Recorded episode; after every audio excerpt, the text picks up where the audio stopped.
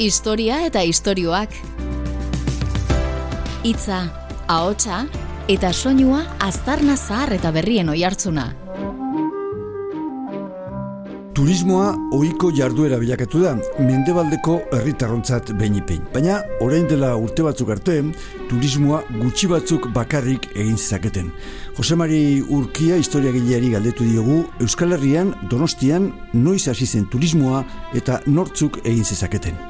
Emeretzigaren mendean, esango nuke, erdialdea, gure artean, eh? eta Europan ere, esango nuke, hortik pixkat igualenago, turismo hori zeon bakarrikan eskuzenek sakan horren esku, ba, eh, nobleak, errege erreginak, burgesiare asko zegoen, eta gero demora librea.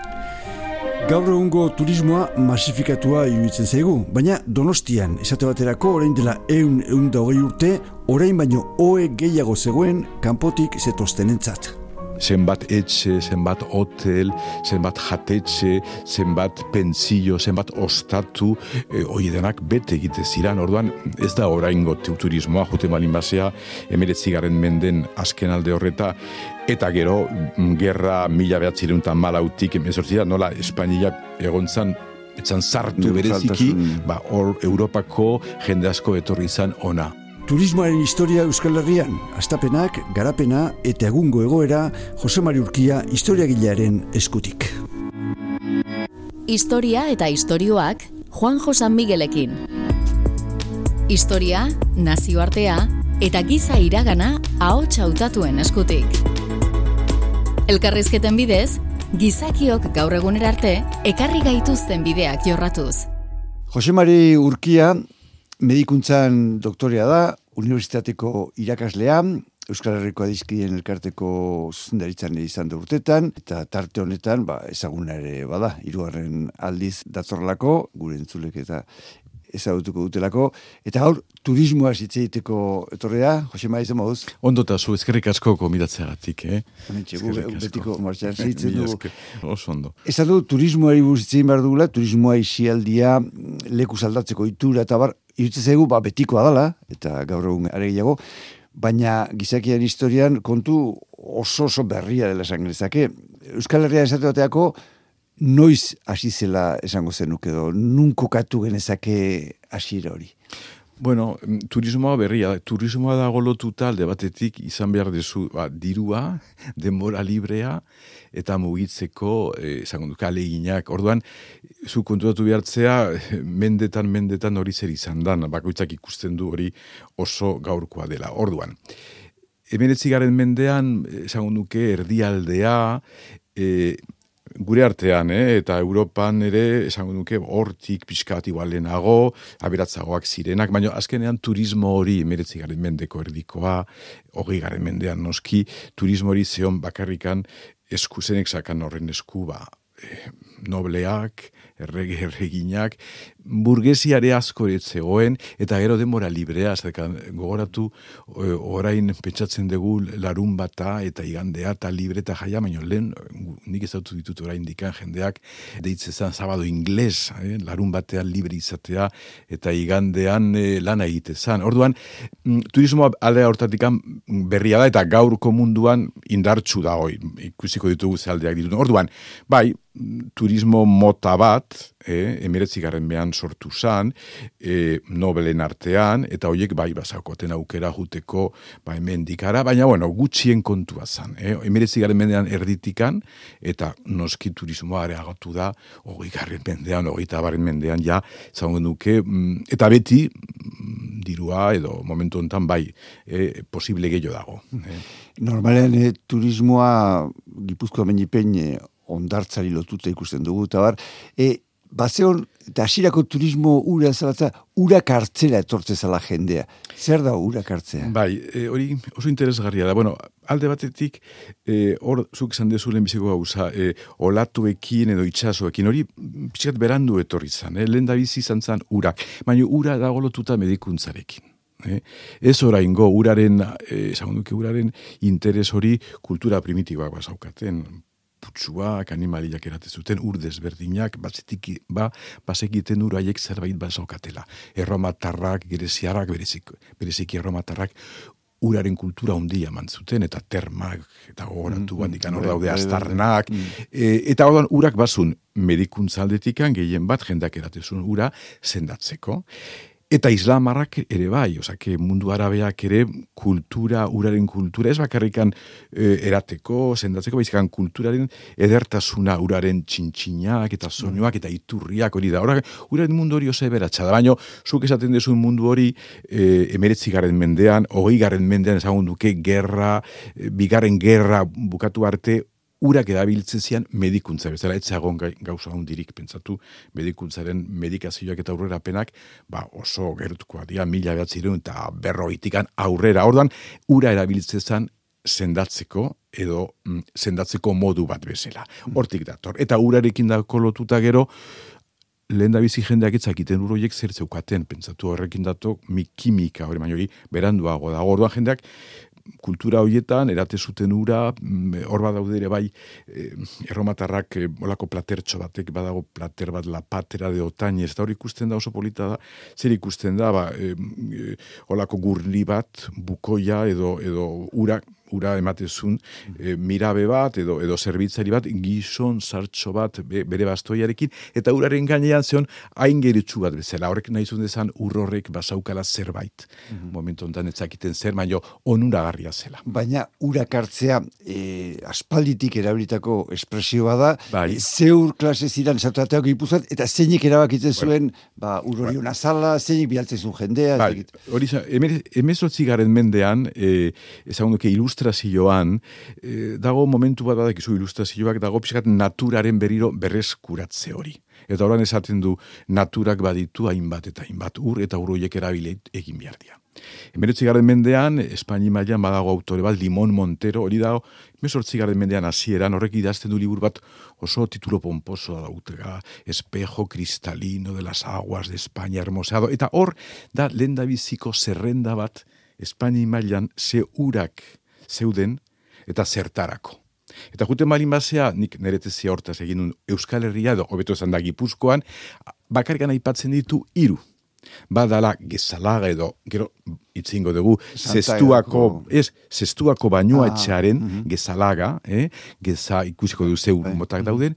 Beste azan, eh, Pentsatu ur bat ataungo mendietan, e, Nuestra Señora de los Remedios gero jarri zuten hor e, baserri batean hori barandiarek idatzi dauka kartatxo bat nola mendian zeon olako ur bat edo jende jutezan ur hartzea. Eta gero kilimon, bueno, kilimon horrek badakizu mendaroko e, iturri horrek batzutan desagertu egiten da, betzutan azaldu egiten da. Kilimon errekaen izan. Hori da, kilimon erreka. Eta hor larramendik ere, aita larramendik emezozik garrandean, aipatzen ditu uroiek. Hor da hasiera, baina benetako hasiera izango da, baskonga dakin, mm, e, mm, esango duke, bergarako mintegian horazten dira lenda biziko analiziak egiten. Uren analiziak, eta zer esan nahi du horrek, ba, uroiek badaukatela, zerbait mineralaz, mineralizazioa, olako elemento batzuk, eta horiek onuragarria. Hor, esan dizuten bezala emezortzigaren mendean erdialdea, eta hortik aurrera, hasiko da, emeretzigaren mendean, bum bat izango da, uraren erabiltze hori ingo da erabat eh, esango duke toki guztietan edo toki altzutan guztietan. Eta bereziki Gipuzkoa lako gure probintzi txiki horretan hemen egon zidan emeretzigaren mendean eta esango dizu noiz arte amabido amaika baino etxe. Bai, gezali barren, gezal, esan zuen, gezali barni herri ondoan da ona. Oh, ondo, hortaz nikoa, hori ontzian lau, lenizko baina da. Hori da. Hori ontzian are txabaleta edo e, e, bainu berriak eta bainu zarrak, eskoriaza eta mondragoikoak oso garantzia hundi izan zuten. Eta horko urak zuten berezitasun bat ziala uretzak badak izur uiek zakuten ode arrautzaren ustel eh, eta, eta gero uste zuten olako esango duke eh, patina bat bezela edo nola esango duke pixkat e, uraren korritzezun tokian gauza esango duke nataren edo edo pixkat txuriko antzeko eta hori irabiltzen horrek azufrea zaukan eta hori irabiltzen larruko jasotatzen. Orduan, pixkat lotuz Isabel Bigarrena, ez da gero aipatuko dugu, erregina hasi izan etortzen e, bainu etxe horietara, eh? Osak, ez, ez zan itxasokura gero torri ziren. Mhm. Eta ikus, kokatu, nun, nun kokatzen zian uro horiek pentsatu, ba, mendian, gipuzkoako barro, barre aldean, urberoa de alzola, aretxabaleta, eskoriaza, gabiria, hoi denak, eh, eh, eh, eh, eh, de los remedios ataun insaluz, eh, eta gero, garrantzio hundietako uroietan izan zun, eh, este, zestoako bainuetxe hori izan zen, Espainia eta Europako bainuetxe garrantzitsu, baina hortaz joango gara. Bai. E, ura ipatu du, Bai. uraren turismoa, baina badago urakin lotutako beste bat, olatu turismoa.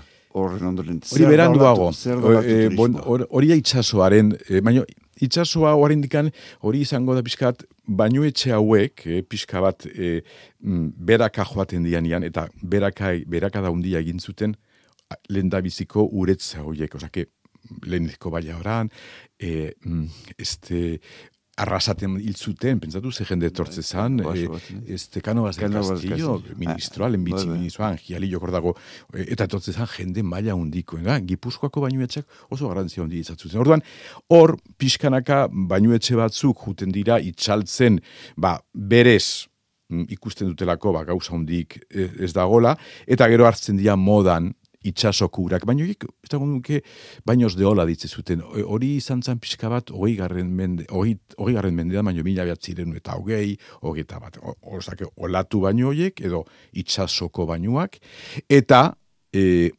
ara ere batzuk, alzolako urak edo zestoak hori mantendu intzan. Igual merezi du gero zestoak urari hitz egitea. Baina apuntetxo bat, mm, urak ikusten desun bezala zeukaten alde batetik e, alderdi medikoa, urak era- erabiltzen zian sendatzeko, eta gaina esate zidan ur bakoitzak basakala bere berezitazuna. Batzuk gultsurtunak sendatzeko, besteak urdaia, besteak e, larrua, asala, besteak ziren, ba ez dakit, eh? gutxi gora bera, bazuten pixka bat bere mm, sendatzeko. Baino, klaro, ikusi behar da, e, uroietan alde batetik zehola hori, eh? baino etxeak zaukaten bere medikoak, zaukaten ura hartzeko bere protokoloa, oso importantea, baino beste aldetikan zian egune sozialak. Bakarrikan gomaiakoa jutzian, eta zian iru hilabeteko urak hartzea. Orduan, bi alderdi horiek zaukaten ura horiek moda bat izan zen, Europa osoan, jutezian goi mailako jendea, eta bi alderdi horiek. Alderdi, ezagun duke, hotel, janaria, dantzak, festak, eta bero, alderdi medikoak. Eh? Bi horiek. Historia eta istorioak. Hitza, hotsa eta soinua. Lehen ipatu zu Isabel Erregina, da. emeretzigarren mendearen erdialdera, Erdialdean, mila sortziun da berrogeita bostean, bai. erabakizun donostia Me- etortzea. Hori da, medikoak, bueno, lehen da bizi Gipuzkoako, horrek egin zuen Gipuzkoako bainuetxe horietan egon zan, eh? Medikoak esan zioten, ba, juntzaitezte, juntzaite urak hartza. Gero, Maria Cristina gauza berdin egin zuen, Alfonso amairu garrena, ere ume pixka txistrina omen zan, eta gero erreginak ikusiko dugu nola jartzen du donostia modan. Orduan, Hori bai, erregina etorri izan, ez bakarrikan itxasoko urak hartzea, baizikan hemengo ba, paisaiak, lehen hori asko baloratzen zen, nola, nola esango nuke, aldatzea klima, eta aldatzea pixka bat, ba, hemengo edertasunak, baiarak, pentsatu Madriko berotasun horrekin, ba, honea tortzen zian, eta hau beste paisai bai izan. Orduan, bai, mm, barkatu, etorri izan erregina, eta urakin hasi izan, eta gero, olatuen ura, bereziki Maria Kristina izan zen. Baina Isabel Erregina etortzeak garrantzi berezi izan zuen, ezta? Ondia, claro, horrek ek- berak ekartzen zuen bere kortea eta ministroak, horadikan garantzia handia esaukan, zarekan etortzen zean, esango nuke jende hori dana, ba, i- hiru hilabete horiek pasatzea. Maria Cristina berdin, donostia jarri zuen modan, nikoen idatzi duten liburua, e, e, nola badakizu, e, kluk e, e, nautikoa, nautikoaren bizitzare oso polita da, baina hori dago lotuta ere bai, bueno, hor deportearekin dago lotuta, baina horrek ere ekarri zuen turismo, askorta izitzingo dugu. Pero, Bai. ba, e, Bai. bueno, Isabel bigarrena etorri zan, zuk bezala, berakin ekarri zuen kortea, eta Beti. korte inguruan dauna, horrek donostian esate bateako ze garrantzitza zuen ekonomian, hiriaren antolaketan. Ondia, bereziki eh, Maria Cristina, beranduago pixkat, baina bai, mila sortzireun, tala hogeita poizan, Maria Cristina etortzezan trenez, eta ekartzeziun jende asko, eta horrekin lotuta zegoen, ba, turismo hori eh, donostiko, ez, lehen, lehen zuk esaten duzu zure gidoian, zenbat etxe, zenbat hotel, zenbat jatetxe,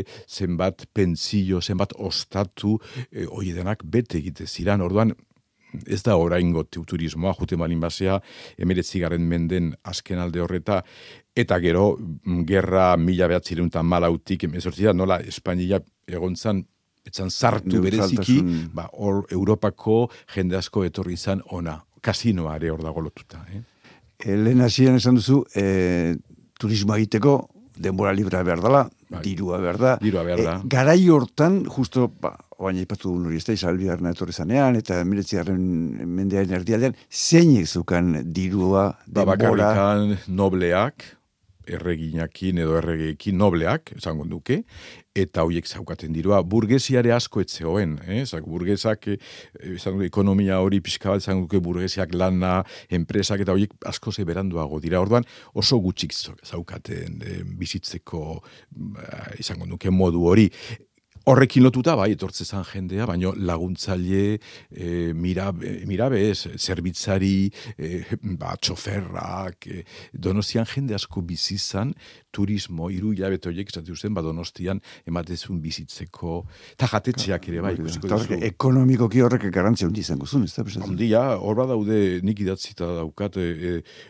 nola egiten duten e, etxeak, nola e, donostiko edertasun hori, orain ikusten dugun hori, baino garai hartan ikaragarria zan ere bai, eta gero Europa edo Frantziako, edo bereziki Frantziako jendea tortzen zan, mer, lehen bezala orain merke osan gure artean egotea, oran hor sortzen da pixka turismo hori. Baina ez da orain dikan turismo, esango duke elitista dela. industrializazioak ekarri zituen ohitura aldaketa batzuk, horrek ekarri bat denbora libre izatea, langileek eta eh, hor, e, Lan, askoz beranduago, hori eh? Da. Askoz Hor- beranduago. Horrek noiz da, hori noiz nun Ba, kokatzen industria dugu. hori izango duke, puh, ba, igual mila behatzireun eta fras, frankismoaren, eh, mila behatzireun eta iruro gehi hortik aurrera. Baina hor, bai. bai. emeretzigarren mendeen bukaeran eta hoi garrenaren hasieran badago aldaketa bat, ez da? Mm, turismo aldetikan eh, ez haundia, eh? Eh, aldaketa bat badago, baina ez hain haundia. Gero etorri zan, gaur uretzen dugu bezako turismoa, ez dakit Bai. hortaz aizean. Ez, eh? bueno, ge- esate bateako e, Gipuzkoan esaten da emeretzigarren mendearen bukaera aldea eta e, hogei garren mendearen hasieran familiek eta aizialdia eta bisat, ba, zeo zer mugitzen hasten zirela, sagaroteiak sortzen hasten Ah. dira, osea, badagola barruko mugimendu Bai, bat baina edo oso, oso txikia, bai, baina ez, eh, bai, baina pizka bat hor gipuzkoa, gipuzkoarrak, eta baina ez orain indikan gaurko turismoaren, ez dakit. kanpotarrena, eh, beranduago datorla, baina eh, esaten dugu gaur egun, Bai. bateako eh, donostia eta oe asko dagola, jende asko dagola, baina nik ditudan datuen arabera, mende hasieran, Asko. mende hasieran, as, orain baino gehiago. Orain Bai, baino, bai, oe gehiago zeon, Bai, bai, hortaz nola posible hori. Ba, arrazoi daukazu, zergatik nik hori forgatu dut, li, guain idatzieten liburu azken horrek. Ba, dirudienez, e, ba, horrek sortzezun, mm, e, ez bakarrikan e, hotelaren, esan dugu bezala hotela, baizikan ostatu asko, pentsio asko, gero hor bizizian, txoferak etortzezian, langilak bizi egin bihartzuten. Orduan, zeon, hor azten da turismo bat goi mailakoa, baina baita ere, e, esango duke turismo horrek ekartzen duen jendearekin, ba donostia azten da pixka bat, ba, apaintzen edertasuna handiago eta eh, frantsesak erasko etortzen gara hortan. Eh? Eta badaude hor, zuk esan dizuna, e, e, mila behatziren eta malautik emesortzira, badaude deskripzio batzuk edo kon, kontakizun batzuk, adibidez donostiko parte zarrar ze jatetxe zituen, ze jende erabiltzen zen, hor deskribatuta dago mila behatzen eta hogeita iruan, lako kotxe hundiekin sartzezian donostiko parte zarrea eta baino princeak eta goi mailako jendeak eta Inglaterrakoak eta jatea bangulak eta jatea hemengo e, gutiziak. Osake, bai, orain bezala edo gehiago, bai. Hor, aldaketa bat, emeretzi garren mendea, o, hogei garren mendean hasiera hortan aldaketa bat egon zen, edo bakarrik gerrari lotutako lagurte horiek, edo... Bueno, agian pixka bat hasi izan, eh, zagunduke, e, turismo hori beste jendea edo beste e, klase batzuk etortzen, baino gutxi, gutxi. Oraindik oso e, hori oraindik anzion kokatuta goi mailako jende. Oso elitista da. Oso elitista zan, bai, hori ikusten da garbi. Pentsatu behar dezu, nola zeuden gure herriak, nola zegoen gure jendea, zango duke jende orokorra, eh, orokorra. Neskameak, e, e, baserrietako lan egin behar zuten, orko barazkiak emateko, bueno, pixka bat aziden, eta gure artean, seguru aski, beste tokietan, baino, maila ondiagoa, hori bai, konparatzen barin badezu e, beste Espainiko herriekin edo. Eh. Eta hemen kanpora esan dute, Europan, Frantzian, Erresuma Batuan, hor, e, Italin, e, noiz hasten da, noiz e, kokatu genezake, ez turismo masiua, baina bai elite horietatik pixka aldentzen dena. Ba, hoiek gu baino pixka bat, eh, esango nuke, aurreago, Espainia beti atzeagoa, zeon gauza guztietan. Orduan, eh, hor, bai Frantziak, bai Inglaterrak, bai Italiak, zuka ipatu duzu hoiek, herri Alemania ere, ba, bai, hoi, hor, mila behatzire, mila, osaki, gerra, eh, claro, hor, bi arazo hondiak izan zian, lehen biziko gerra, horrek ikaragra izan zan. Orduan, mila behatzireun eta malautik emezortzira, gauza asko gertatu zian, eta hor, pobrezia handia etorri izan, eta gero bigarren gerra. Baina bai, garaia hortan ja Europan, baina hor ikusten dezu literaturan, eta ikusten da ze jende juten da, baina neiko elitkista ere. E, hor, e, beti etortzen den, e, kontu izaten da, artxidukea Sarajevo hil zutenean, e, Europako agintari guztiak oporta zuela, e, beran atzen nahi zela, hori da, bai, bai, hori oso argi, denak zeuden beren tokietan, eta bai, bainu etxa, e, e, frantziko kostak horti biarritzen zeuden, biarritzen ere, bai. oso hor garantzia hundi izan zuen,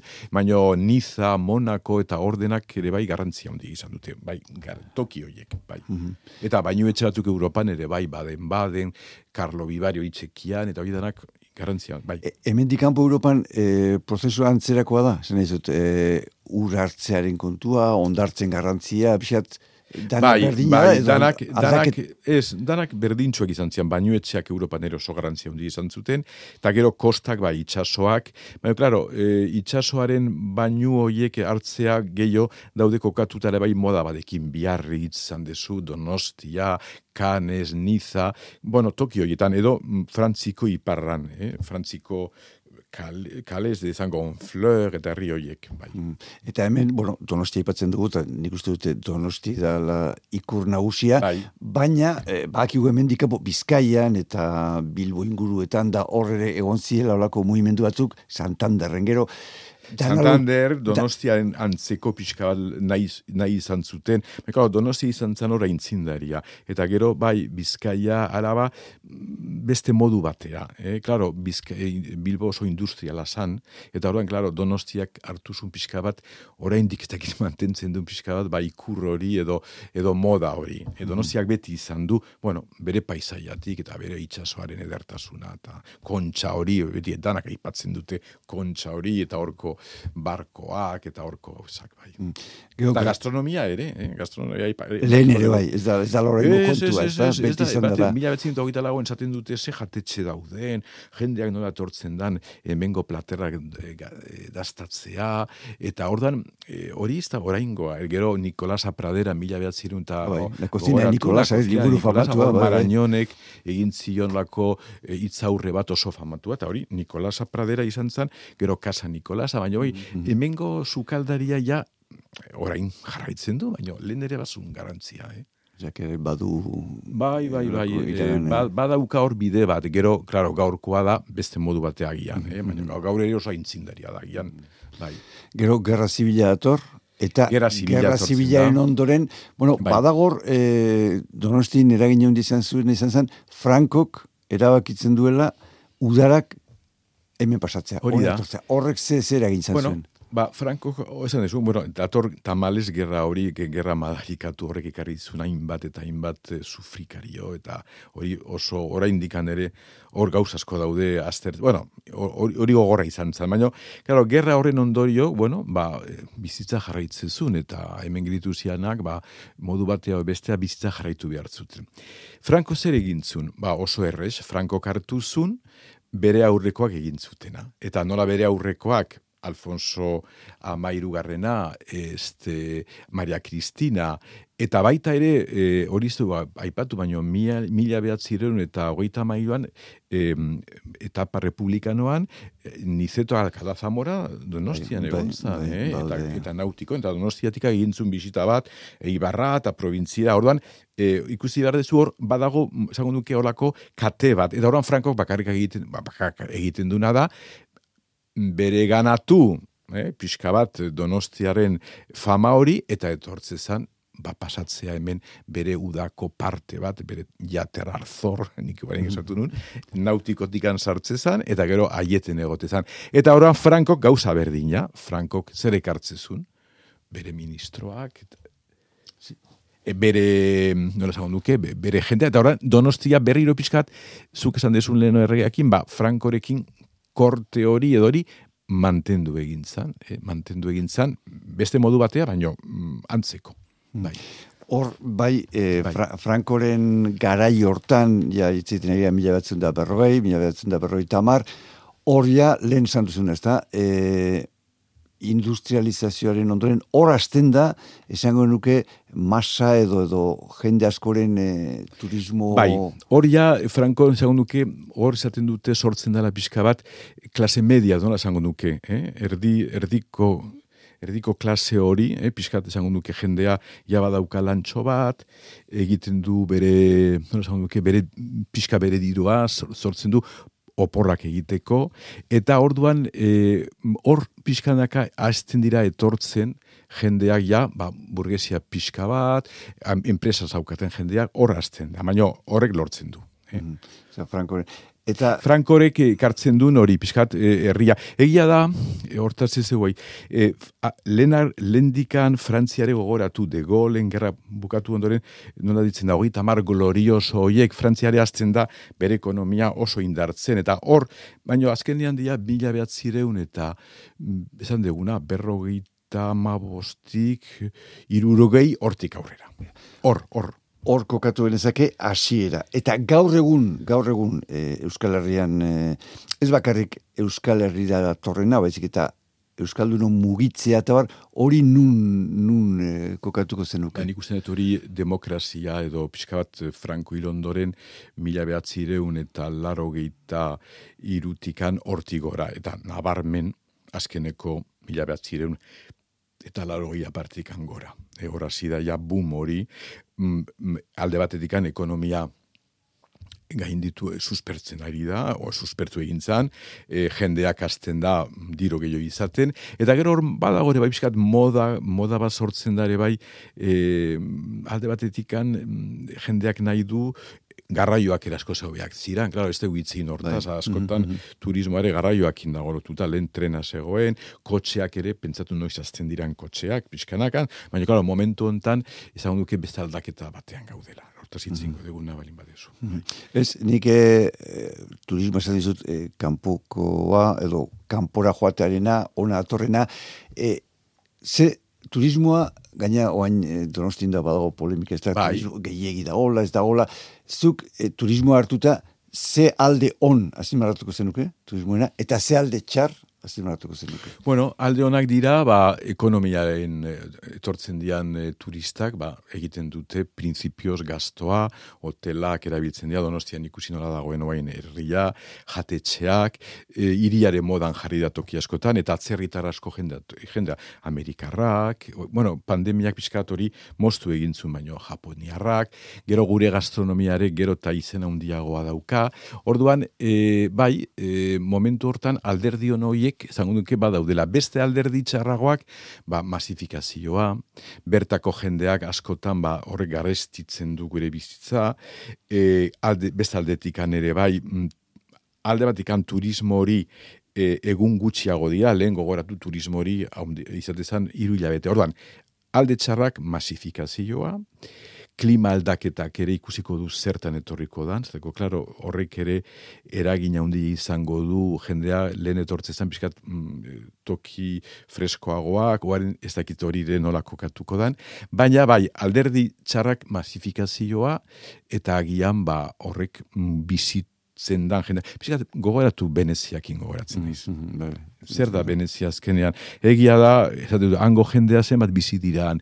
Baina, klaro, horren esker, edo turismo horren esker, geroan bizi dira urtean zehar, baina iria bezala, ba, jende asko esaten du hau ezin da bizi horrela. Hori, ez da berdin izango, baina gure artean ere, ja batzuk aidia esaten donostia, zertan... Bai, parke tematikoa bihurtzen eh? diela, parke tematikoa, Monakoan, eh, hor zertan, baina, bueno, nik uste dut alderdi positiboa izan behar degula, eta lehen ere izan dugu gure gatazka, gure badakizu, e, e, izango nuke gure bizitu izan dugun urte, urte gogorrak ere, e, e, go, oiek ere eragine izan zuten, izango nuke gure bizitzan, jende asko lehen donostira etortze zan, eta eta arekin edo sortu zan mundu horrek ere, e, pixkat, ba, bezetokita joan zera, oain berriro esaten dute, berrezkuratu, baina hor, beti izango duzu, izango dutenak, hobe etxekoak izatea, eta besteak izango dute, baina hobe etortzea. Ordan polemika hori hori izango da, bai. Eta, amaitzeko, bai. Nola, nola ikuste duzu turismoa, ze turismo klase dator, nola izango da turismo etorkizunean? Bueno, hori asko izatea da, baina, e, claro, nik ez dakit mm, e, ekonomiaren, claro, ikusi dezu turismo azkenian momento batean ere nola pikutara joan de, eh? pandemiak zer ekarri du, orban zer etorriko dan gero, ba, ez dakigu, baina ematen du, ba, turismoa, makinaria hori, ekonomia aldetikan jarraituko dula, baina beste baldintzak, ez dakit zen izango diran, klima aldaketak, ez dute horrek ere, eragine izango dula, zuteak, e, beste aldetatikan, e, pobreziare sortuko da toki batzutan, orduan, oso zaila da ikustea aurrera, baina zaila izango da, ere bai, turismoa erabat berriro ba, itzaltzea edo joatea. E, baino, munduak ikusiko dugu nola izango da. Ikusiko du, Jose Mario bai. Urkia, ba, berriro ere mila mila esker, zuei, eta horren arte. Gozo ondo, eskerrik asko, eta beste bat arte. Bai. Historia eta istorioak Juan Josan Miguelekin. Historia, nazioartea eta giza iragana ahots hautatuen eskutik. Elkarrizketen bidez, gizakiok gaur egunera arte ekarri gaituzten bideak jorratzen